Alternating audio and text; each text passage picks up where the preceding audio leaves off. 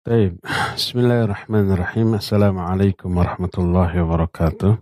الحمد لله والصلاة والسلام على رسول الله محمد بن عبد الله وعلى آله وأصحابه ومواله ومن تبعهم بإحسان إلى يوم القيامة. وبعد para jamaah Majelis Taklim Mumtaz Indonesia di mana saja Anda berada, para alumni baik uh, umroh ataupun haji di bawah uh, pengelolaan Travel Nasratul Ummah. Yang Allah muliakan juga para pendengar radio Tarbiyah Sunnah Bandung.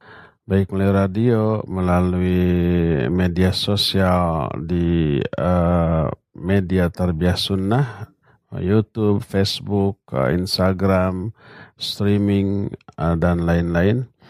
Juga para pendengar beberapa radio yang tergabung ke dalam uh, grup kajian bersama. Kita berjumpa kembali melanjutkan bahasan kitab Ada Wadawa. Kemarin, Senin yang lalu, kita sudah membahas bagaimana caranya agar doa kita dikabul. Kita tidak akan mengulang. Cuma kita simpulkan, ini rahasia doa ya. Kebanyakan doa-doa yang dipanjatkan oleh beberapa orang lalu dikabul. Itu karena pertama doa itu dilakukan oleh orang yang sedang dalam keadaan doruri.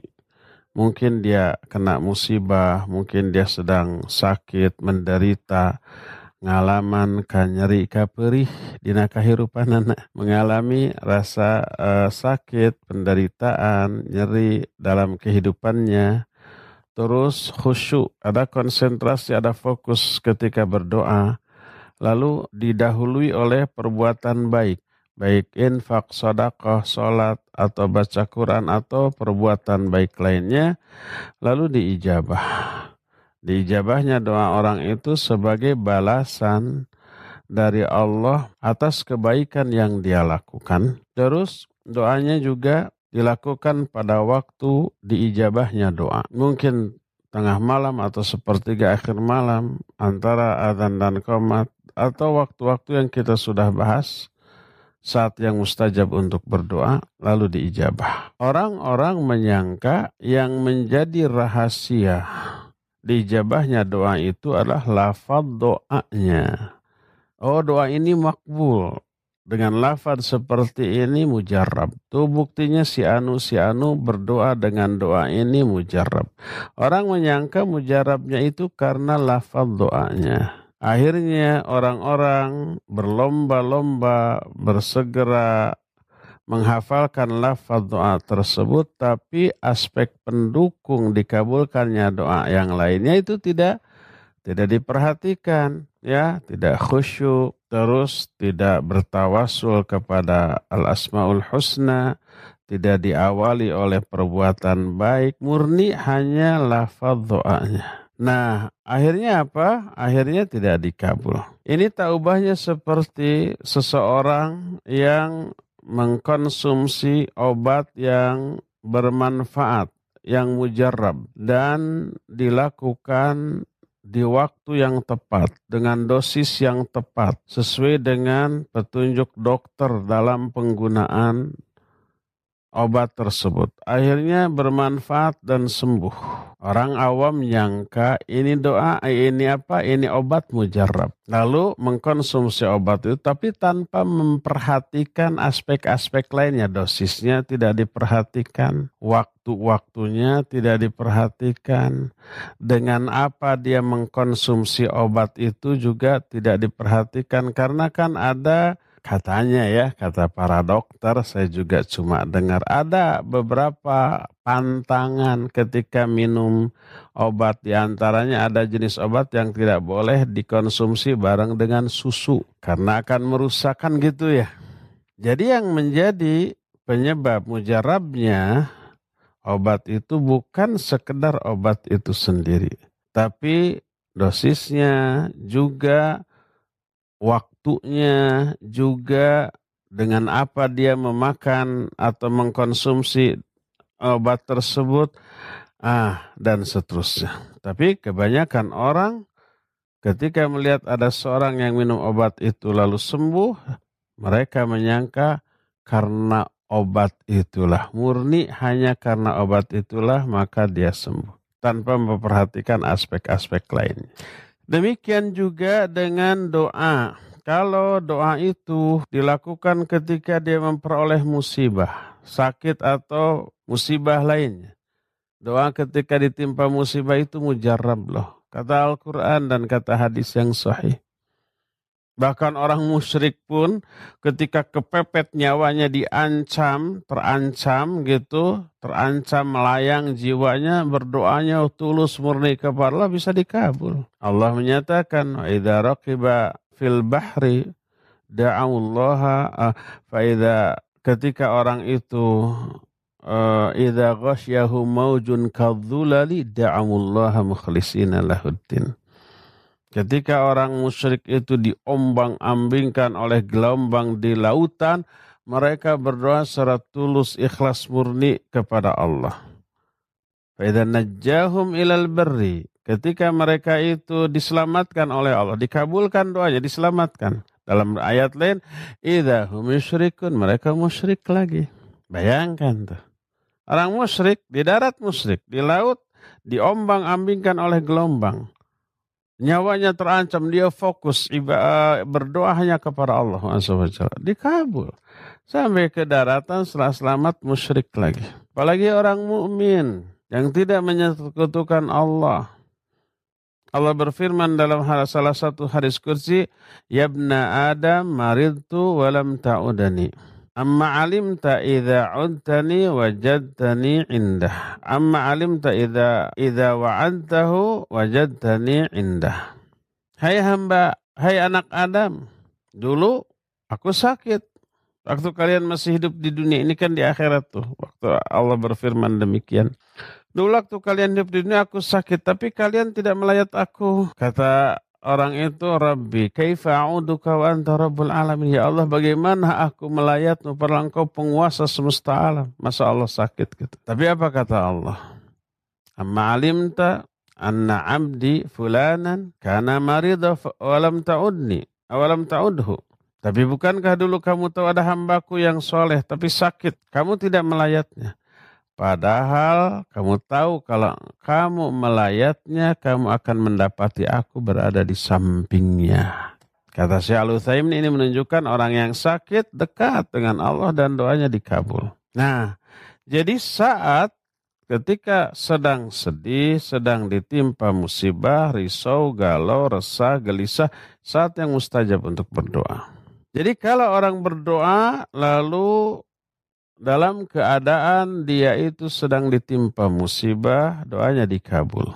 Atau orang umpamanya berdoa, berdoanya di samping kuburan orang tuanya, kuburan orang yang sedang berziarah, lalu dia itu berdoa. Ya khusyuk menghadap kiblat sesuai sunnah, kemudian dia sedang sedih, sedang ditimpa musibah, berdoa dikabul. Orang menyangka yang menjadi penyebab dikabulkannya doa itu karena kuburannya. Akhirnya timbul kesalahpahaman. Mereka tidak tahu bahwa rahasia dikabulkannya doa itu bukan karena di samping kuburannya. Tapi karena hal-hal lainnya, karena dia sedang ditimpa musibah, karena khusyuk, karena menghadap kiblat, karena sesuai sunnah dan seterusnya.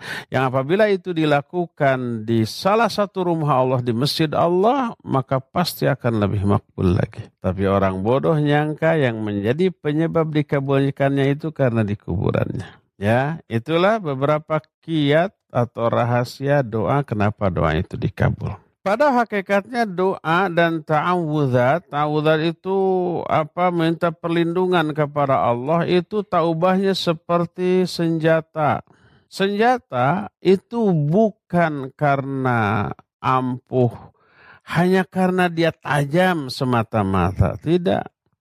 Tapi ada aspek lainnya. Selain tajam, tangan yang memainkannya juga kuat dan ahli. Dia sering berlatih sering berlatih, kemudian kuat, ahli gitu, pedangnya, senjatanya tajam, dan tidak ada penghalang. Musuhnya itu tidak memakai perisai, tidak memakai baju besi, maka ada tiga aspek. Pertama, pedangnya itu tajam, Kedua, orang yang memainkannya ya tangannya kuat, ya juga ahli. Ketiga, tidak ada penghalang. Si musuhnya tidak memakai perisai, tidak memakai baju besi. Maka itu sangat ampuh untuk membunuh musuh. Tapi kalau salah satu di antara ini tidak ada, umpamanya tajam, mainnya bagus, tenaganya kuat, tapi musuh pakai perisai, ya nggak akan terbunuh itu musuh, ya. Atau umpam musuh nggak pakai apa-apa, ya, tajam pedangnya, tapi yang memainkannya nggak bisa, lemah, baru dimainkan tuh kena muka sendiri nanti. Nggak ada manfaat atau sangat kecil manfaatnya. Nah demikian juga doa Doa itu baru bisa makbul apabila pertama doanya memang dari Rasul Shallallahu Alaihi atau dari ayat Al-Quran. Yang kedua orangnya nih orang yang berdoanya itu ya khusyuk, ya ikhlas. Ya apalagi sedang ditimpa musibah ya dilakukan di saat yang mustajab dan seterusnya. Terkait subjek orang yang berdoa itu. Yang ketiga tidak ada penghalang isi doanya bukan berupa dosa atau memutuskan silaturahmi. Terus tidak ada barang-barang haram yang masuk ke dalam tubuh si pendoa. Ya, pokoknya tidak ada penghalang maka mustajab. Itulah rahasia doa ya. Nah sekarang itu sudah dibahas. Sekarang apa kaitan antara doa dengan takdir? Ini tema pokok kita. Ada orang yang bertanya dan pertanyaan ini masyhur, kaitan antara doa dengan takdir. Jadi ada orang yang bertanya bukankah isi doa itu kalau sudah ditakdirkan pasti terjadi baik kita berdoa ataupun tidak. Kalau tidak ditakdirkan tidak akan terjadi walaupun kita berdoa. Ya enggak? Umpamanya kita minta rizki, berdoa ya Allah beri saya rizki. Kalau belum ditakdirkan hari itu kita uh, belum peroleh rizki, tidak akan. Walaupun doanya sampai segimana. Dan sebaliknya kalau sudah ditakdirkan dapat rizki, berdoa atau tidak berdoa, pastikan akan dapat rizki. Ada kan yang begitu ya? Banyak orang yang menyangka ucapannya itu benar. Bahwa takdir yang menentukan, bukan doa. Dengan demikian tidak ada faidahnya doa. Mau berdoa mau tidak yang akan terjadi makan takdirnya. Kalau sudah ditakdirkan walaupun kita tidak berdoa pasti akan kejadian, akan kesampaian. Kalau tidak ditakdirkan walaupun kita berdoa sehebat apa pun nggak akan kesampaian. Akhirnya apa kesimpulannya? Nggak ada faidahnya doa. Benarkah pernyataan ini? Pernyataan ini benar, benar salah alias keliru, bingit kelirunya. Ya, mereka itu dengan kebodohannya, dengan kesesatannya, sikapnya itu tanakud. Tanakud itu apa? Intro, uh, kontradiktif. Karena apa? Karena pernyataan tersebut Berarti menafikan sebab.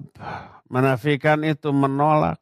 Tidak perlu melakukan sebab. Udah bersandar saja kepada takdir Allah Subhanahu wa taala. Di mana sih letak kekeliruan kesalahan itu? Bukankah betul takdir yang dominan, berdoa atau tidak, ikhtiar atau tidak?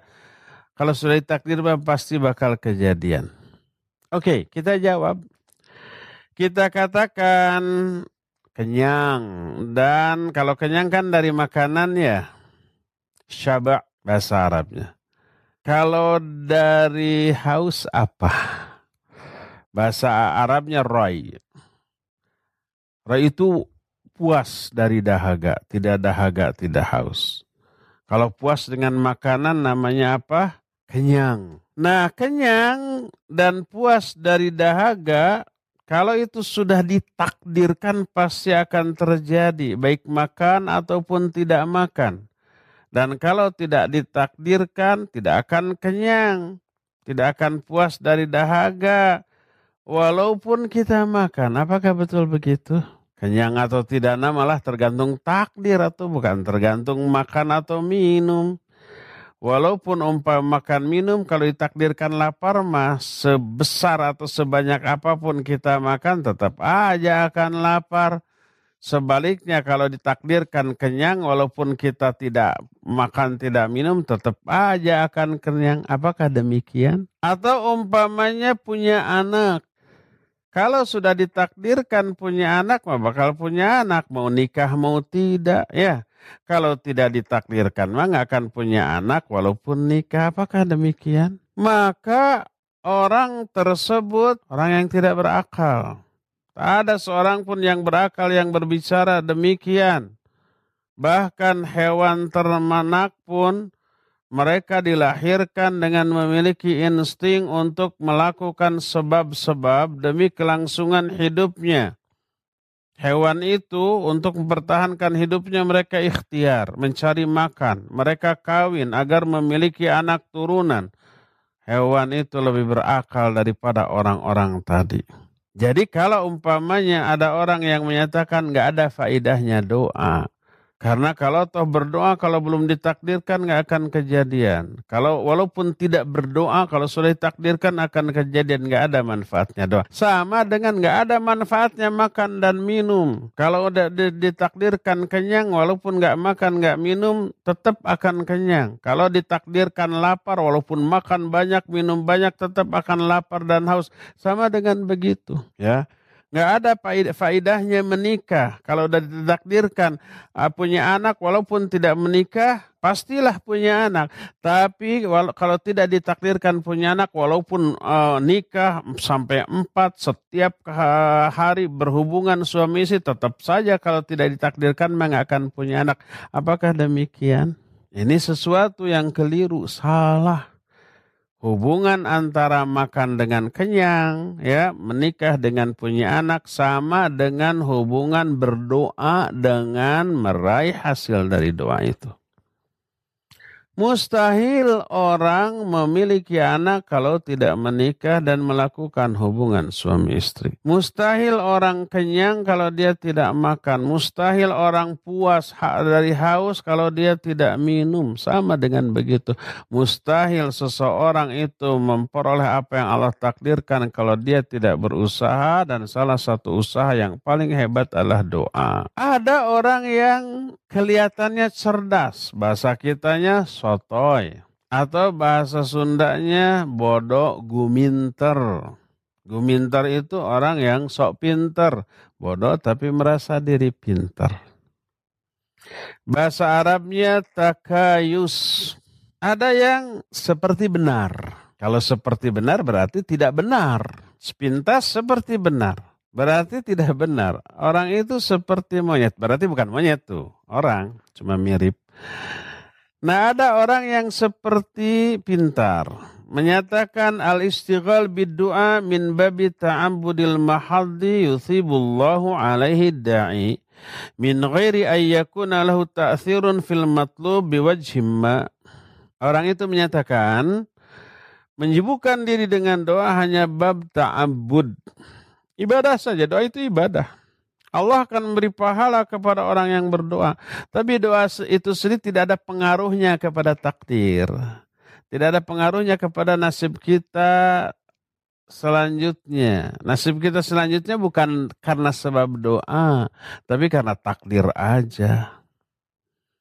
Sehingga menurut orang yang seperti ini nggak ada bedanya antara doa atau tidak berdoa, baik dengan hati ataupun dengan lisan, kepada nasib yang akan teralami setelahnya. Jadi doa tidak akan merubah nasib, tidak akan merubah ke apa namanya kondisi kehidupan kita. Lalu kenapa kita berdoa? Ibadah aja kalau dapat pahala, diampuni dosa gitu, ada keuntungan di akhirat. Ada yang berpemahaman demikian? Ada. Benar nggak pemahaman itu? Benar, benar, salah. Keliru. Di mana letak kekeliruan ini nanti kita terangkan. Ini kelompok pertama. Kelompok kedua sedikit lebih agak lebih cerdas dari yang tadi. Hmm, sudah sedikit tambah agak lagi sedikit agak lebih cerdas. Dia menyatakan doa itu tanda saja. Tanda apa? Tanda bahwa Allah itu mau memenuhi kebutuhan orang tersebut. Hanya tanda. Ketika Allah subhanahu wa ta'ala memberikan taufik kepada seorang hamba untuk berdoa, maka taufik itu menjadi tanda bahwa Allah akan memenuhi kebutuhannya. Sama dengan begini, ada awan hitam, angin bertiup kencang di musim dingin, huj apa namanya, uh, petir menyambar-nyambar ya. Itu tandanya apa? tandanya sebentar lagi mau hujan. Kayak gitulah. Kalau orang berdoa, itu tandanya Allah akan memenuhi kebutuhan orang itu yang dia minta dalam doanya. Yang diminta oleh orang itu dalam doanya. Tanda, bukan penyebab. Mereka berkata, demikianlah hukum ketaatan bersama pahala. Kufur dan maksiat dengan uh, azab, ketaatan, ibadah, amal soleh itu hanya sekedar tanda, tanda bahwa orang itu dapat pahala. Kufur, dosa dan maksiat sebagai tanda bahwa orang itu akan diadab, bukan dianggap sebab. Ketaatan tidak dianggap sebab dapat pahalanya orang itu. Dimasukkannya orang itu ke dalam surga, bukan sebab, tapi tanda. Kalau orang kufur, orang dosa, orang maksiat itu tanda, bukan penyebab. Kata mereka, tanda orang itu akan diadab, akan dimasukkan ke dalam neraka. Itu tak ubahnya seperti kata mereka mematahkan dengan patah, membakar dengan kebakaran, membunuh dengan kematian. Itu bukanlah sebab, tapi hanya tanda saja. Matinya orang itu bukan karena dibunuh, ter, terjadinya kebakaran bukan karena dibakar. Patahnya tulang seseorang bukan karena dipatahkan. Tapi sekedar tanda hubungan antara membakar dengan kebakaran itu sekedar tanda saja. Membakar sebagai tanda akan terjadinya kebakaran. Membunuh sebagai tanda bahwa orang yang dibunuhnya itu akan mati. Ya, mematahkan sebagai tanda bahwa tulang orang itu akan patah. Itu bukan dianggap sebagai penyebab. Pandangan seperti ini tentu saja bertolak belakang dengan realita, dengan akal, dengan syariat, dengan uh, fitrah, dan orang-orang berakal akan mentertawakan. Inilah kelompok yang kedua. Jadi Perbedaannya dengan kelompok yang pertama, kalau kalau kalau kelompok pertama itu menyatakan doa itu hanya sekedar ibadah saja, nggak ada efek kepada perjalanan hidup orang yang berdoa itu. Yang menentukan perjalanan hidup orang itu adalah takdir, bukan doa. Doanya nggak ada efek. Terus kenapa berdoa? Ibadah aja kepala dapat pahala gitu. Itu kelompok pertama. Kalau yang kedua mah Doa itu hanya tanda. Kalau orang berdoa itu tandanya kebutuhan orang itu akan dipenuhi oleh Allah Subhanahu wa taala. Dua-duanya keliru. Yang benar yang mana? Nah, yang benar mah yang ketiga, kelompok ketiga. Yaitu apa? Yaitu bahwa setiap kejadian yang Allah takdirkan itu ditakdirkan bersama sebab-sebabnya. Kenapa terjadi demikian? Karena ada sebab. Kenapa orang kenyang? Sebabnya makan. Makan itu penyebab kenyangnya orang itu. Kenapa orang itu punya anak?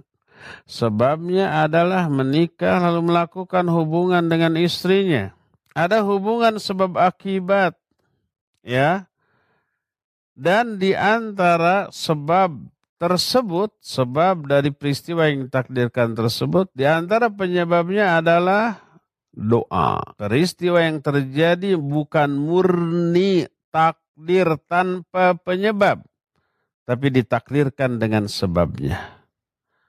Sehingga seketika seorang hamba melakukan sebab, sebabnya itu ikhtiar. Ikhtiar lahir termasuk ikhtiar syar'i berupa berdoa gitu ya. Dua-duanya ikhtiar itu. Umpamanya, umpamanya nih, rizki. Seorang ditakdirkan peroleh rizki itu berserta sebabnya. Orang itu nanti akan ditakdirkan berupaya ikhtiar mencari rezeki apa dagang, jual jasa, kerja atau apa saja dan juga berdoa.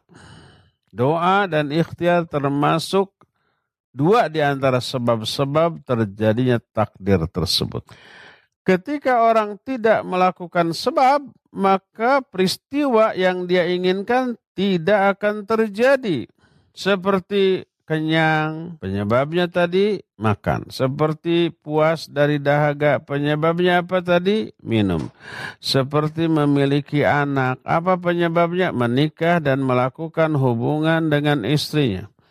Seperti panen, apa, apa takdir panen. Kenapa uh, penyebabnya? Penyebabnya dia bercocok tanam. Seperti keluarnya ruh hewan. Penyebabnya apa? Karena disembelih. Seperti masuknya seseorang ke dalam surga itu takdir. Penyebabnya apa? Amal soleh. Seperti masuknya orang ke dalam neraka. Apa penyebabnya? Penyebabnya adalah amal salah dosa, dan yang sejenisnya. Inilah kelompok yang ketiga. Jadi takdir ada sebabnya dan sebab ini memiliki hubungan yang kuat dengan takdir sebagai akibat. Dan pendapat ketiga inilah yang benar, tapi pemahaman tentang yang poin ketiga ini tidak terfahami oleh dua kelompok yang pertama, pertama tadi. Dengan demikian doa termasuk sebab-sebab terkuat. Apabila ditakdirkan terjadi isi doa dengan doa itu, maka tidak bisa dikatakan tidak ada faidahnya doa. Doa itu berfaidah banget. Sama dengan menyatakan tidak ada faidahnya makan dan minum ya untuk meraih kenyang dan puas dari dahaga. Itu sebuah kekeliruan. Ya, makan dan minum faedahnya besar untuk meraih takdir kenyang dan puas. Nikah dan melakukan hubungan suami istri merupakan uh, faedahnya besar untuk menghasilkan anak berdoa dan ikhtiar faedahnya besar untuk meraih apa yang kita inginkan. Bahkan laisa syai'un minal asbab anfa'u minad du'a wala ablag fi husulil matlub. Tidak ada sesuatu pun yang lebih bermanfaat tidak ada sebab tidak ada ikhtiar yang lebih bermanfaat daripada doa dan tidak ada sebab dan ikhtiar yang lebih dahsyat dalam meraih hasil dibanding doa. Doa itu penyebab terkuat dan terdahsyat untuk meraih sesuatu yang kita inginkan. Oleh karena itulah maka para sahabat sebagai umat yang paling berilmu mengetahui tentang Allah dan Rasulnya, yang paling faham tentang agamanya, mereka adalah orang yang paling kuat untuk melakukan sebab-sebab dengan memenuhi syarat-syarat dan adab-adab. Berkata Umar bin Khattab radhiyallahu an, Umar bin Khattab itu selalu minta pertolongan kepada Allah dengan cara berdoa dalam menghadapi musuh-musuhnya dan doa itu merupakan tentara terhebat yang dia miliki untuk menghadapi musuhnya. Dia berkata kepada para sahabatnya, "Lastum tunsaruna bi kathrah wa innama tunsaruna minas sama." Kalian tidak ditolong karena banyaknya pasukan kalian, tapi kalian ditolong dari langit. Ditolong oleh Allah dan salah satu penyebab turunnya pertolongan Allah itu apa? Doa. Makanya sering kali jumlah kaum muslimin sangat sedikit tapi selalu menang dalam medan perang. Ketika perang Badar, musuh tiga kali lipat menang. Ketika perang Khandaq atau perang Ahzab, kaum muslimin Cuma 3.000 orang kaum musyrikin sampai 12.000 orang menang. Yang lebih hebat lagi dalam perang Mu'tah. Kaum muslimin coba 3.000 orang tapi musuh sampai 200 ribu orang menang kebayang. Kamin fiatin qalilatin ghalabat fiatan kathiratan biiznillah. Betapa banyaknya pasukan kecil bisa mengalahkan pasukan besar dengan izin Allah. Yang menjadi penyebab menang atau kalahnya dalam medan peperangan itu Allah menurunkan pertolongannya apa tidak. Kalau menurunkan pertolongan dijamin menang walaupun sedikit. Tapi sebaliknya walaupun banyak tapi Allah nggak menurunkan pertolongan musuhnya sedikit bisa kalah. Intastaghithuna rabbakum fastajaba lakum anni mumiddukum bi alfim minal malaikati murdifin. Ingat ketika kalian minta pertolongan kepada Allah di medan perang Badar tuh dan Allah mengijabah kalian dengan cara Allah mengirim lima ribu malaikat. Eh, seribu malaikat Bi alfim minal malaikah. Seribu malaikat yang turun secara berbondong-bondong. Tapi sebaliknya ketika Allah tidak menurunkan pertolongannya kalah. Itu terjadi pada waktu perang Uhud. Karena ketidaktaatan sebagian sahabat terhadap instruksi Rasul SAW. Kalah. Seperti yang terjadi pada perang Hunain. Perang Hunain itu kaum muslimin sampai 12 ribu orang Lu luar biasa besar lo mereka tajub dengan banyaknya pasukan mereka. Id a'jab id a'jabatkum kasratukum walam tughni ankum syai'a. Ingat, ketika kalian merasa takjub dengan banyaknya jumlah kalian, padahal jumlah yang banyak itu tidak ada manfaatnya sedikit pun bagi kalian. Diserang kocar kacir tuh awalnya, tapi pada akhirnya menang setelah kesadaran kaum muslimin mulai pulih. Jadi kata Umar, lastum tunsaruna bikathrah wa innama tunsaruna minas sama. Kalian itu bukan ditolong dalam menghadapi musuh Allah. Karena banyaknya jumlah kalian, tapi ditolongnya dari langit. Makanya Umar menyatakan, Inilah ahmilu hammal ijabah, walakin hammad du'a. Fa'idha ulhiltum bid-du'a, ulhiltum du'a, fa innal ijabah mahu. Aku tidak menginginkan adanya keinginan untuk dijabah doaku, tapi aku hanya menginginkan di, diilhamkannya doa kepadaku. Agar diberikan keinginan untuk berdoa itu cukup. Sebab apabila kalian diberi ilham untuk berdoa, maka ijabah atas doa itu pasti akan menyertainya. Jadi siapa orang yang diilhamkan, diberi ilham untuk berdoa, diberi taufik, maka orang itu dikehendaki oleh Allah untuk diijabah doanya. Karena Allah berjanji dalam Al-Quran, Udu'uni astajib lakum, mintalah kalian, berdoalah kalian kepadaku. Pasti aku akan penuhi doamu. Wa idza sa'alaka anni ibai wa idza sa'alaka ibadi anni fa inni qarib ujibu da'watad da'i idza da'an. Kalau hambaku bertanya kepada tentang aku jawab aku dekat. Aku mengijabah setiap doa orang-orang yang berdoa kepadaku. Malah kalau kita nggak minta kepada Allah, Allah marah loh. Sebagaimana dalam Sunan Ibnu Majah dari Abu Hurairah radhiyallahu an berkata Rasul alaihi salatu wassalam, "Man lam yas'alillah yaghdab alaih." Siapa orang yang tidak meminta kepada Allah, Allah murka kepada dia. Ini menunjukkan bahwa keridhaan Allah berada dalam meminta dan taat kepadanya. Ketika kita meminta kepadanya, taat kepadanya, Allah ridho. Dan Apabila Allah telah meridhoi, maka seluruh kebaikan berada dalam keriduannya. Sebagaimana semua bala musibah yang menimpa seseorang itu karena kemurkaan Allah dan kemaksiatan kepadanya. Dalam musnad, eh, dalam kitab Zuhud, Imam Ahmad meriwayatkan sebuah athar. Allah berfirman, ini hadis kudsi.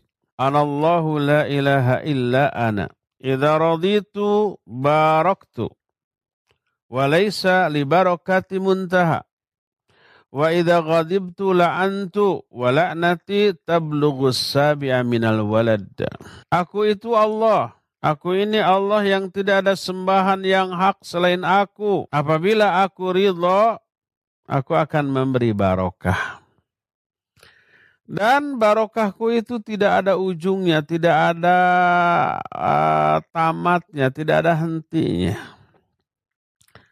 Dan apabila aku murka, aku marah. Aku akan melaknat dan laknatku bisa mencapai tujuh turunan. Akal ataupun nas Quran hadis juga fitrah juga pengalaman umat-umat terdahulu dengan berbagai macam jenis agama ataupun pemahaman. Seluruhnya menunjukkan bahwa takarrub kepada Allah Rabbul Alamin upaya selalu mencari keriduannya, juga berbuat baik kepada sesama makhluk. Itu semua termasuk sebab-sebab teragung teraihnya segala macam kebaikan. Sebaliknya, sebab-sebab sebaik sebaliknya adalah penyebab teraihnya segala keburukan. Sebaliknya dari hal yang tadi menjauh dari Allah, selalu mencari kemurkaan Allah dengan melanggar larangannya, menjauhi perintahnya, selalu berbuat jahat kepada sesama manusia.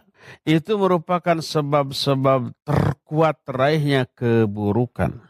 Maka nikmat Allah tidak akan teraih, azab Allah tidak akan bisa terhindari tanpa ketaatan, tanpa takarub kepada Allah, dan tanpa berbuat baik kepada sesama makhluk. Oleh karena itu Allah subhanahu wa ta'ala telah menetapkan teraihnya kebaikan dunia dan akhirat atau teralaminya keburukan baik dunia akhirat. Allah jelaskan dalam Al-Quran itu disebabkan karena amal-amal yang akan dibalas sesuai dengan jenis amalannya dengan terpenuhinya syarat-syarat. Ada hubungan sebab dan akibat dari perbuatan dengan apa yang akan dia alami. Dan Al-Quran lebih dari seribu ayat menjelaskan masalah ini. Kadang-kadang ada dalam ayat diterangkan keterkaitan balasan dengan hukum kauni dan perintah syar'i secara munasabah berkesesuaian. Seperti contoh dalam surah Al-Araf ayat 166 Allah menyatakan falamma atau amma nuhu an lahum kunu qiradatan khasin. Ketika mereka itu congkak, congkak bukan congklak. Sombong, sombong, takabur. Gede hulu, gehu. Ketika mereka sombong sampai melanggar apa yang Allah larang, kami katakan kepada mereka, jadilah kamu kerak-kerak yang hina, monyet-monyet yang hina. Ini bukan perkataan saya, ini firman Allah. Kunu qiradatan khasin. Mereka dijadikan kera yang hina karena apa? Karena kesombongan sampai berani melanggar apa yang Allah larang. Hubungan sebab akibat. Juga dalam Al-Quran surah Zukhruf ayat 55 Allah menyatakan falamma asafuna intaqamna minhum Ketika mereka membuat kami murka, kami azab mereka itu. Ya, azabnya mereka, murkanya Allah itu karena mereka membuat Allah subhanahu wa ta'ala murka. Allah mengadab mereka karena mereka membuat Allah murka. Surah Al-Maidah ayat 38 wasariq wasariqatu faqtu aydiyahuma jazaa'an bima kasaba nakala. Kata Allah, pencuri laki-laki dan pencuri perempuan potong kedua tangannya. Kenapa dipotong? Potong itu hukuman. Jazaa'an bima kasaba sebagai balasan atas apa yang sudah mereka lakukan yaitu mencuri. Nakala sebagai hukuman atas mereka. Jadi ada hubungan sebab akibat. Kenapa dipotong? Karena mencuri. Kenapa Allah azab? Karena tadi membuat Allah membuat mereka murka. Kenapa di, dikutuk menjadi monyet-monyet uh, yang hina? Itu karena mereka sombong sehingga berani melanggar larangan Allah. Bukan sebab akibat. Itu yang buruk-buruknya ya. Termasuk yang baik-baiknya juga ada hubungan sebab akibat. Allah berfirman dalam surah Al-Ahzab 35. Kata Allah, "Innal muslimina wal muslimat wal muslim wal mu'minina wal mu'minat wal qanitina wal qanitat was sadiqina was sadiqat was sabirina was sabirat wal khashi'ina wal khashi'at wal mutasaddiqina wal mutasaddiqat والصائمين والصائمات والحافظين فروجهم والحافظات والذاكرين الله كثير والذاكرات أعد الله لهم مغفرة وأجرا عظيما Kata Allah subhanahu wa ta'ala sesungguhnya muslim laki-laki dan muslim perempuan. Mukmin laki-laki dan mukmin perempuan. Orang yang qanit yang taat kepada Allah dan Rasulnya laki dan perempuan. Orang yang jujur laki ataupun perempuan. orang yang sabar laki ataupun perempuan, orang yang khusyuk laki ataupun perempuan, orang yang bersodakoh, baik laki ataupun perempuan, orang yang saum, baik laki ataupun perempuan, orang-orang yang memelihara faraj-faraj mereka, baik laki ataupun perempuan, dan orang-orang yang banyak-banyak berzikir kepada Allah, baik laki dan perempuan, Allah janjikan kepada mereka ampunan dan pahala yang besar. Kenapa mereka diberikan ampunan dan pahala yang besar? Sebabnya tadi itu iman, Islam, iman, taat, jujur, sabar, khusyuk dan seterusnya. Dan ayat yang senada dengan ini amat sangat banyak. Pertama itu. Kedua, kadang-kadang Al-Quran itu menjelaskannya itu dengan penjelasan syarat dan balasan. Adanya syarat terpenuhi, maka balasannya ini dengan syarat syarat tersebut dipenuhi dulu. Kalau syaratnya nggak dipenuhi nggak diberikan balasan. Hubungan sebab akibat juga tuh. Allah berfirman contohnya dalam surah Al-Anfal ayat 29, "In tattaqullaha yaj'al lakum furqana wa yukaffir ankum sayiatikum wa yaghfir lakum." Hei orang-orang beriman, kalau kamu bertakwa kepada Allah, ini syaratnya nih. Kalau kamu bertakwa kepada Allah, yaj'al lakum furqana. Allah akan berikan furqan kepada kamu. Furqan ini pembeda. Yang dimaksud furqan di sini ilmu, pemahaman. Ketakwaan berefek nggak kepada ilmu? Iya. Siapa yang bertakwa Allah akan mudahkan orang itu untuk memahami ilmu. Kata Allah SWT, apabila kalian bertakwa, Allah akan berikan ilmu. Kata Syekh Al-Uthaymin, termasuk firasat. Allah akan berikan firasat yang lebih tajam karena ketakwaan. Hei orang-orang beriman apabila kalian bertakwa kepada Allah, Allah akan berikan furqan kepada kalian. Allah juga akan hapuskan dosa-dosa kalian. Dan Allah juga akan mengampuni kalian. Dihapus kesalahan, diampuni dosa. Karena apa? Karena takwa.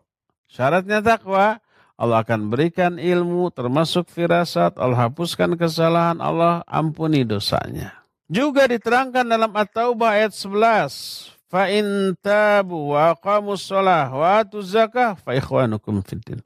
Kalau mereka itu tetap tinggal bersama kalian, mendirikan sholat, mendirikan zakat, maka mereka adalah ikhwan atau saudara kamu dalam agama. Dianggap saudara dalam agama asal syaratnya tadi, sholat, zakat. Juga surah Jin, ayat 16 Allah berfirman, wa alla istaqamu ala tariqati la asqainahum ma'an ghadaqa. Seandainya mereka itu istiqamah di atas jalan kebenaran, kami pasti akan limpahkan kepada mereka air yang sangat banyak. Barokah tuh. Asal apa? Asal mereka istiqamah. Istiqamah berakibat akan diberikan barokah berupa rizki di dunia. Ini hubungan sebab akibat. Kadang-kadang Al-Quran menggunakan lam ta'lil, huruf lam, tapi li ta'lil. Ta'lil itu menunjukkan dengan makna sebab, karena. Huruf lam saja. Allah menyatakan, liyadabbaru ayati waliyadhakkara ulul albab. Huruf li. Agar mereka mentadaburi Al-Quran dan agar oh, sehingga orang-orang yang memiliki akal, orang-orang berakal bisa mengambil pelajaran. Karena mentadabiri Al-Quran dapat ilmu, dapat pelajaran. Hubungan sebab akibat. Litakunu syuhada ala nas wa yakuna rasulu alaikum syahida. Qad ja'al ja'alnakum ummatan wasata. Kami telah menjadikan kalian sebagai umat pertengahan agar kalian menjadi saksi bagi manusia dan Rasul menjadi saksi atas kalian. Ini huruf li. Ada hubungan sebab akibat.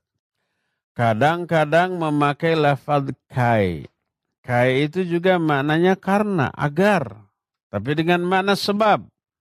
Allah menyatakan kaila yakuna dulatam bainal agniya'i minkum. Agar kekayaan ini tidak hanya berputar berputar di kalangan orang-orang kaya saja di antara kalian. Ada infak, ada sodako, ada pembagian kepada fukara dan masakin. Kenapa itu dilakukan kenapa itu menjadi syariat bagi Allah? Likaila kaila yakuna dulatan bainal agniya'i minkum. Agar kekayaan ini tidak tidak berputar hanya di kalangan orang-orang kaya. Orang miskin pun kebagian. Disyariatkannya infak, zakat, sodakoh, bantu-bantu orang. Itu dalam rangka itu. Ada hubungan sebab akibat. Kadang-kadang dengan memakai huruf bi sababiyah. Bi sababiyah itu bi dengan makna sebab. Allah menyatakan dalika bima qaddamat aidikum. Di azab mereka itu bima qaddamat aidikum bi Bi di sini dengan maknanya sebab. Sebab apa-apa yang telah kalian lakukan. Dosa-dosa yang telah kalian lakukan. Itu yang menyebabkan kalian diadab. Diadabnya itu karena dosa. Ada hubungan sebab akibat. Al-Ma'idah 105 menyatakan bima kuntum tak malun. Bi karena sebab apa-apa yang kalian lakukan. Bima kanu yaksibun karena apa-apa yang mereka telah upayakan. Wadhalika biannahum kanu yakfuruna bi ayatillah yang demikian itu sebab biannahum sebab mereka dulu kufur kepada ayat-ayat Allah. Kadang-kadang dengan memakai maf'ul li ajlih Maf'ul li ajli itu susah diterangkannya dalam bahasa kita. Maf'ulun maf'ul itu artinya objek, li ajli itu karena. Jadi objek dengan apa ya? Dengan makna karena. Umpamanya kum tulil ustad ijlalan lahu. Nah, seperti itulah dalam contoh bahasa Arab. Aku berdiri bagi sang ustad. Kenapa berdiri? ijlalan lahu karena memuliakan dia. Ijlalan ini disebut maf'ul min ajli. La taqtulu auladakum khasyata imlaqa. Jangan kalian membunuh anak-anak kalian. Kenapa khasyata imlaq? Karena khasyata ini maknanya karena takut kelaparan. Nah itu semuanya karena ada hubungan sebab akibat terlarangnya membunuh anak-anak dan orang-orang saat itu melakukan pembunuhan kepada anak-anak bayi. Sebabnya apa? Karena takut nanti tekaparaban, tidak terparabi gitu, tidak ter apa tekaparaban tidak ter tidak terkasih makan. Gak bisa ngasih makannya, bunuh lagi kecil lagi bayi dicekek. Kayak begitulah. Banyaknya orang-orang yang tidak memiliki banyak anak sekarang karena itu, karena takut tidak dia tidak bisa memberi makan. Padahal nahnu narzukum ayyahum. Kami yang beri rizki kepada kalian dan juga kepada mereka. Maka jangan dibunuh. Jadi ada hubungan sebab akibat.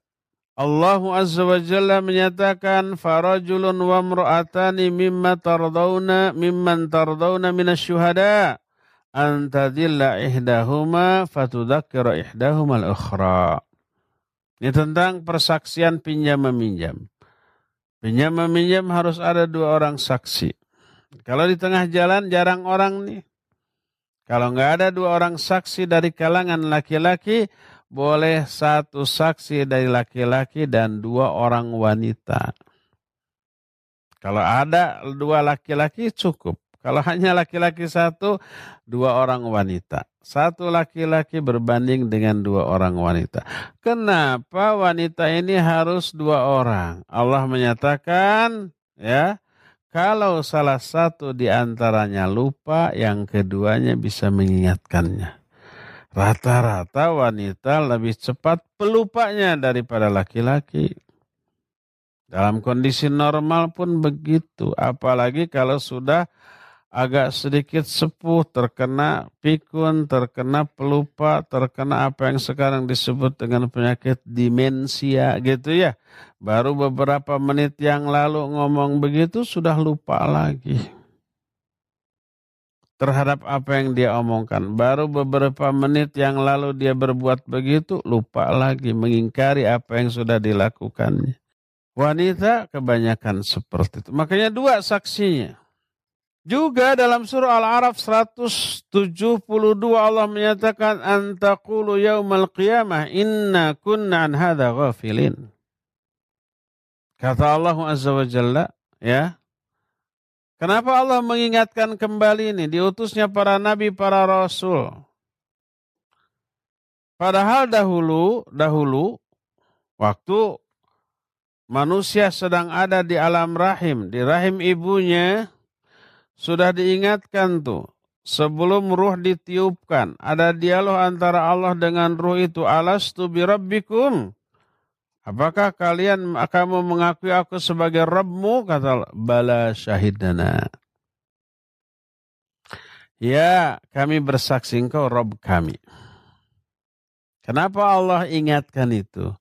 Kata Allah, antakulu yaumal qiyamah inna kunna an ghafil. Agar ini agarnya ini disebut mafun min ajri tetapi mahdhuf. Tidak disebutkan lafadznya. Karenanya itu tidak disebutkan tapi terkandung. Disebut mahdhuf. Mahdhuf itu dibuang lafadznya tapi maknanya masih ada. Agar kalian nanti pada hari kiamat tidak bicara oh kami lupa Kan sekarang jangankan di akhirat sekarang aja kita umpamanya anggaplah para remaja, para AGB yang masih fresh. Kalau kita sudah puluhan tahun, sudah sepuh, sudah aki-aki dan nini-nini gitu ya. Para ABG aja yang masih fresh ingatannya, ingat nggak ketika dia masih dalam perut ibu? Enggak, enggak ingat. Tapi waktu di perut ibu itu kita sudah di, diminta persaksian alastu birabbikum. Bukankah kamu mengakui aku Rabbmu? Dijawab bala syahidna iya. Diingatkan lagi nih sekarang. Kenapa diingatkan antakulu yaumal qiyam inna kunna hadza ghafilin agar kalian nanti di hari kiamat tidak bicara oh kami lupa nggak ingat lagi kan sudah diingatkan nih ketika di rahim ibu sudah bersaksi tentang kerububiahan Allah siap mengabdi kalau sudah melahir, sudah lahir. Nah setelah lahir diingatkan kembali ini kamu dulu sudah bersaksi. Sekarang follow up persaksianmu tindak lanjuti persaksianmu dengan ketaatan selama hidup. Kenapa di, di, di, diingatkan lagi? Agar nanti kalian tidak punya alasan oh kami lupa nggak ingat lagi. Udah diingatkan lagi dan banyak lagi yang lainnya ya. Nah, para jamaah sekalian, pelajaran atau penjelasan dari Al-Quran tentang hal ini masih sangat banyak. Contoh-contohnya yang menunjukkan ada hubungan sebab akibat antara amal yang kita lakukan dengan nasib kita. Baik nasib kita di masa yang akan datang ketika masih hidup di dunia ataupun nasib kita di akhirat nanti. Maka hati-hati dengan amalan kita. Termasuk di antara amalan yang berpengaruh terhadap nasib kita nanti ataupun di akhirat adalah doa. Tidak disangka lagi doa salah satu ikhtiar syar'i yang berpengaruh besar kepada nasib dan keadaan kita di hari yang akan datang termasuk di akhirat nanti. Penjelasan ini nanti kita akan lanjutkan di hari Senin yang akan datang ya. Sekarang cukup sampai di sini saja dulu dan kita masih punya sisa waktu yang ada. Kita akan gunakan untuk tanya jawab. Wassalamualaikum ala nabiyina Muhammadin wa ala alihi wa sallam. Mangga. Baik, syukur Ustaz atas pemaparan materinya dan kepada para pendengar dan pemirsa juga jamaah Majelis Taklim Mumtaz Indonesia Di mana pun Antum berada, kami mengundang kepada Antum yang akan bertanya langsung kepada Ustadz. Silahkan bisa melalui line telepon di nomor 022-86862637. Sekali lagi di line telepon 022 86862637 atau melalui pesan singkat ke nomor 0811 2271476. Baik. Kita angkat pertanyaan yang uh, pertama melalui pesan singkat. Assalamualaikum warahmatullahi wabarakatuh dari hamba Allah. Ya, beliau tidak menyebutkan namanya. Ustadz, bolehkah doa yang berasal dari Rasulullah Shallallahu Alaihi Wasallam yang berbunyi Allahumma inni as'alukal firdausal ala minal jannah saya tambahkan menjadi Allahumma ini as'alukal firdausal ala minal jannati liwalidayya wa ahli Ya Allah, sesungguhnya aku memohon kepadamu surga Firdaus, surga yang tertinggi untuk kedua orang tuaku dan keluargaku. Silahkan Ustaz. Iya. Bukan Firdausil ala, tapi a'la. Allahumma inni as'aluka Firdausal a'la. Iya. Pertama, uh, kalau doa itu doa yang kita ucapkan secara mutlak, tidak muqayyad, maka boleh apa pun. Ya. Ya Allah, sesungguhnya aku minta kepada Engkau surga Firdaus yang paling tinggi. Bukan hanya untukku tapi juga untuk kedua orang tuaku. Boleh nggak ditambahkan seperti itu? Boleh. Tidak ada larangan. Tapi ada tapinya. Berarti doa itu doa karangan kita sendiri bukan dari Rasul Shallallahu Alaihi Wasallam. Bagaimanapun sebaik-baik contoh adalah contoh Rasul Alaihi Wasallam. Ucapkan dulu doa itu seadanya dari Rasul Alaihi Wasallam, lalu ucapkan lagi doa tersebut yang kedua kali dengan menyertakan kedua orang tua kita. Jangan lupakan mintakan ampun untuk kedua orang tua kita. Doa yang kita baca dalam sholat jenazah, ya kita baca dalam sujud kita untuk kedua orang tua. Allahumma gfir li walidayya warhamhuma wa'afihima wa'afu anhuma wa nuzulahuma wasi' madkhalahuma wagsilhuma bil ma'i wa thalji wal bard wa naqihima min khataya kama yanqa thawbul abyadu min Terus sampai akhir. Baca untuk kedua orang tua kita. Itu jauh lebih lengkap. Ya. Boleh nggak kita membaca doa tadi Allahumma inni as'alukal jan as'aluka jannatil firdausil a'la wali walidayya. Boleh, tidak apa-apa ya. Tidak terang karena itu doa yang mutlak. Wallahu a'lam. Silakan. Kita eh, kembali beralih ke penanya berikutnya dari Asep Bahri di Bogor. Assalamualaikum warahmatullahi wabarakatuh. Ustadz, istri saya sedang hamil tujuh bulan. Apakah ada amalan khusus seperti membaca surat-surat Al-Quran yang khusus menjelang kelahiran? Jazakallahu khairan. Iya, barakallahu wa jazakallahu khairan. Barakallahu fiqh Asep Bahri. Semoga kandungannya sampai proses melahirkan dilancarkan dimudahkan oleh Allah SWT dan anaknya sehat, ibunya sehat, anaknya menjadi soleh dan solihah ya. Uh, adakah amalan tertentu dari syariat untuk membaca ayat-ayat tertentu? Tidak ada amalan tertentu.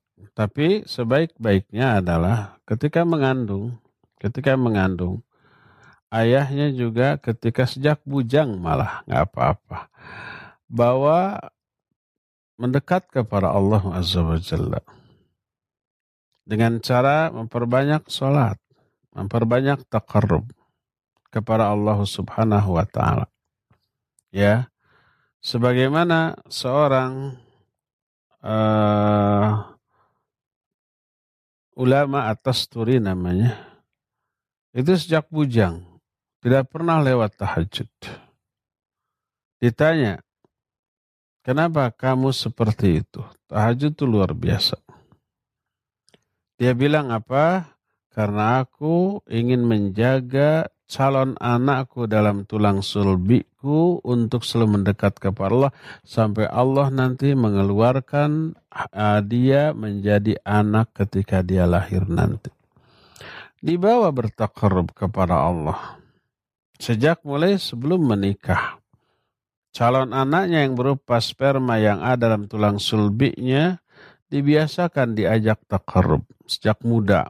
Ya, pas ketika dipancarkan ketika melakukan hubungan dengan istrinya, terus dinempel di dinding rahim uh, istrinya, kemudian menjadi sigot dan calon bayi, terus bawa takarub kepada Allah baca Al-Quran, banyak berdoa, banyak berzikir, dan banyak melakukan sholat fardu ataupun sunnah. Kalau sholat fardu tidak bisa diperbanyak, Tetap segitu 17 rakaat.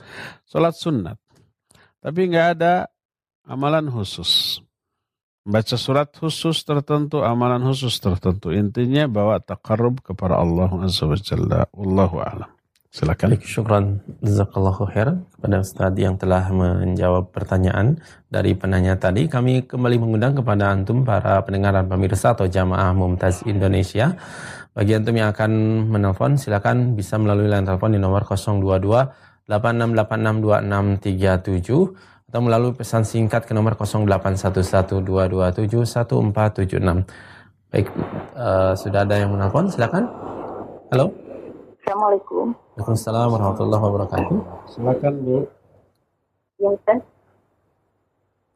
Silakan. Oh, ini Ustaz. Siapa dari mana Bu? Bu Yati Melongbring. Ya. Silakan Bu Yati. Kalau doa ini ya eh, Ustaz untuk anak-anak itu mas yang logi hadli minas solehin mah itu yang yang belum ada mungkin ya Ustaz. Kalau yang udah gede anak-anaknya dan cucunya, terus doa dalam sujud meminta memohon agar dikasih hidayah gitu Ustaz dan pada soleh itu gimana Ustaz doanya mohon di Ustaz. Jazakumullah khairan Ustaz. Iya. Assalamualaikum warahmatullahi wabarakatuh. Jazakillahu khairan. Waalaikumsalam warahmatullahi wabarakatuh. Ibu Yati di Bem- Melingkron. Eh, Melonggrin. Melonggrin. Ada banyak doa-doa baik dari Al-Quran maupun hadis yang sahih. Jadi minta disolehkan anak-anak kita termasuk salah satunya agar diberi hidayah. Bisa Rabbana hablana min azwajina wa dhurriyyatina qurrata ayun waj'alna lil.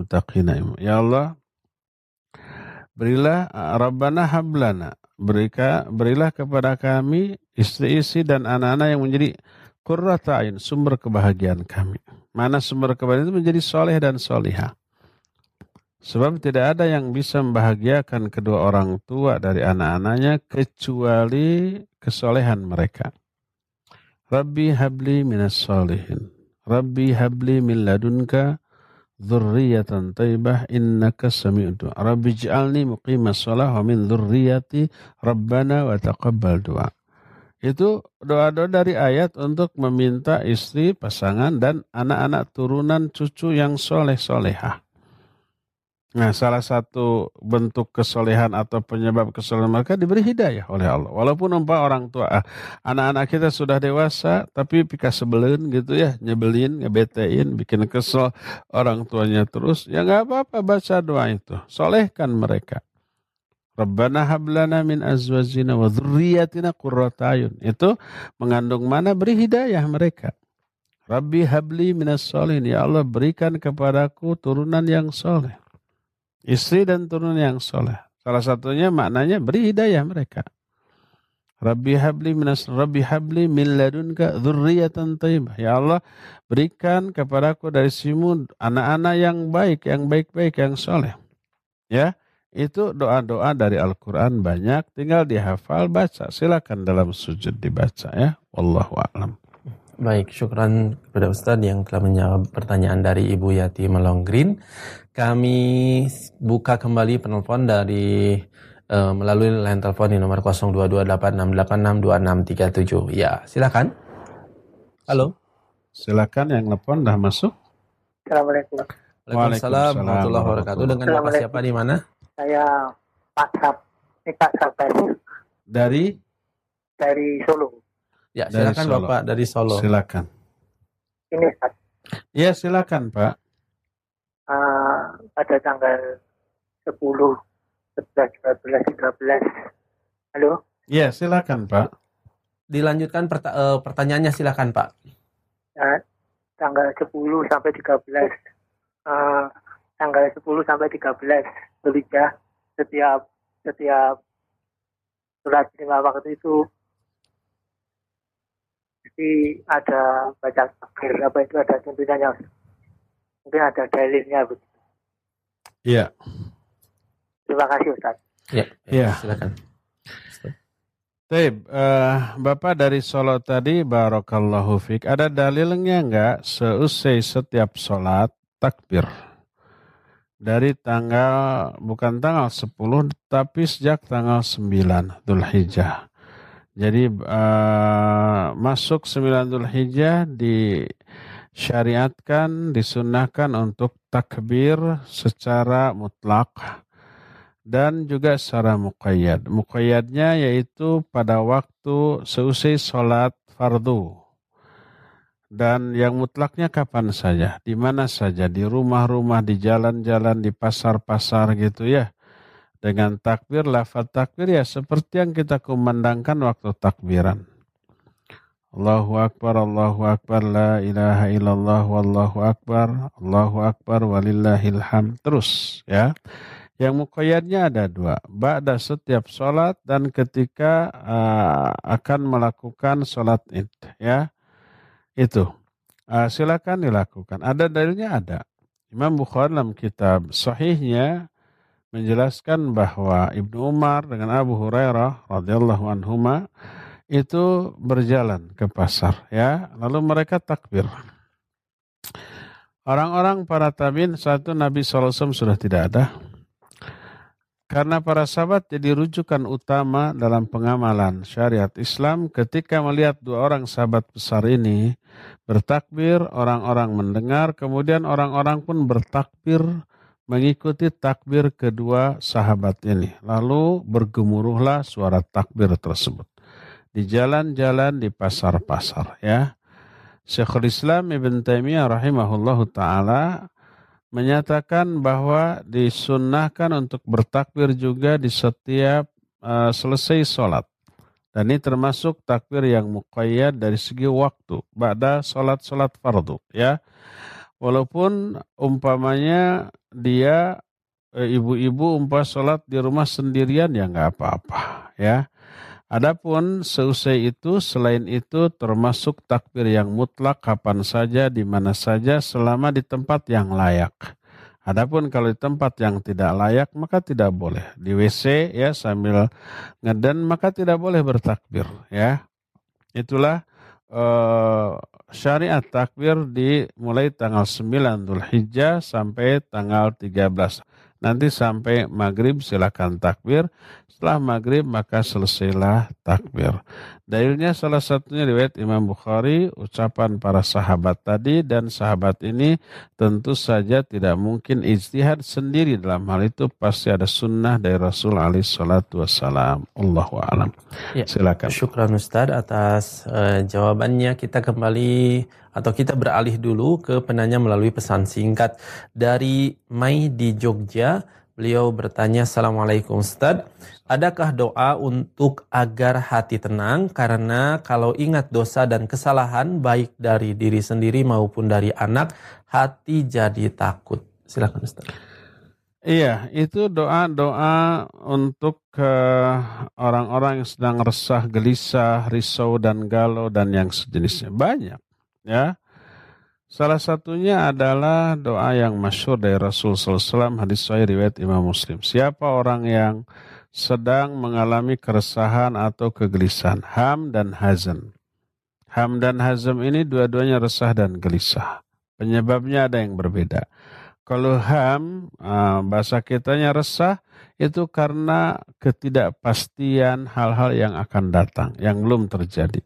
Kalau hazan karena yang sudah terjadi. Bahasa kita sedih ya.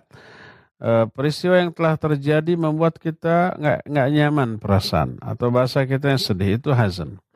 Kalau mengingat hal yang akan datang, kita resah dan gelisah, khawatir, maka itu ham. Ya, ada nggak ada? Siapa orang yang merasa resah dan kesedihan?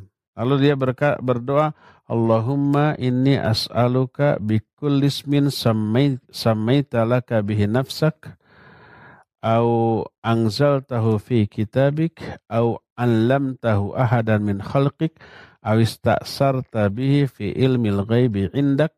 Ya ya Allah sungguhnya aku meminta kepada engkau dengan menyebut nama-nama yang engkau telah namakan nama itu untuk dirimu sendiri atau nama-nama yang engkau turunkan dalam kitabmu atau nama-nama yang engkau ajarkan kepada salah seorang di antara makhlukmu atau nama-nama yang hanya engkau saja yang mengetahui. Mengetahui nama itu dalam ilmu gaib yang ada di simu ya aku minta agar engkau menjadikan Al-Quran ini sebagai penenang jiwaku sebagai penentram hatiku, sebagai pengusir rasa resahku, sebagai penghilang rasa sedihku. Ya, itu ada. Hadis itu saya riwayat Imam Muslim. Ada lagi hadis yang berisi Allahumma inni a'udzubika minal hammi wal hazan wal azzi wal kasal wal bukhli wal jubni wal harami wa adzabil qabr. Ya. Allahumma ati nafsi taqwaha wa zakkiha anta khairu man zakkaha anta waliyuha wa maulaha. Allahumma inni a'udzubika min ilmin la yanfa' min qalbin la yakhsha min nafsin la tashba wa min da'watin la yustajabu laha. Ya Allah, sungguhnya aku berlindung kepada Engkau dari ham dan hazan. Ham itu resah, hazan itu sedih. Itu ada yang seperti itu ya. Uh, kalau karena kesedihan itu karena kesulitan yang sedang kita hadapi, baca lagi doa untuk menghadapi kesulitan itu. Doa Nabi Yunus. Allah Subhanahu wa taala menyebutkan doa Nabi Yunus ketika Nabi Yunus mengalami kesulitan yang mengancam nyawanya, yaitu di dalam apa perut uh, perut ikan. Beliau menyatakan la ilaha illa anta subhanaka inni kuntu minadh dhalimin ya. Terus juga Allahumma la sahla illa ma ja'alta sahla wa anta taj'al huzna idza syi'ta sahla. Allahumma ya Allah la sahla illa ma ja'alta sahla. Tidak ada kemudahan kecuali apa-apa yang engkau buat mudah ya.